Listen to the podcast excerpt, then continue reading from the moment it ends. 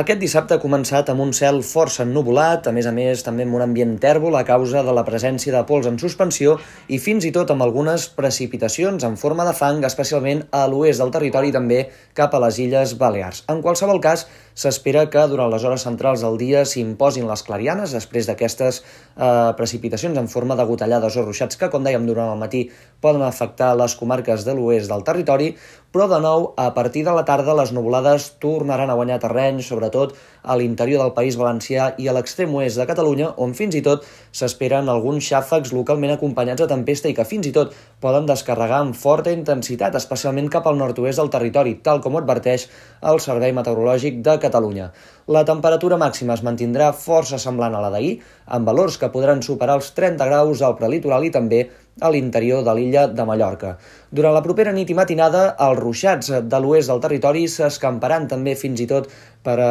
punts de la meitat nord del Principat, tot i que ja de bon matí aquestes precipitacions tendiran a minvar. De fet, s'espera un diumenge amb moltes clarianes, tot i que a la tarda es podria repetir algun ruixat aïllat a punts del Pirineu o també de la serlada prelitoral. La temperatura màxima d'aquest diumenge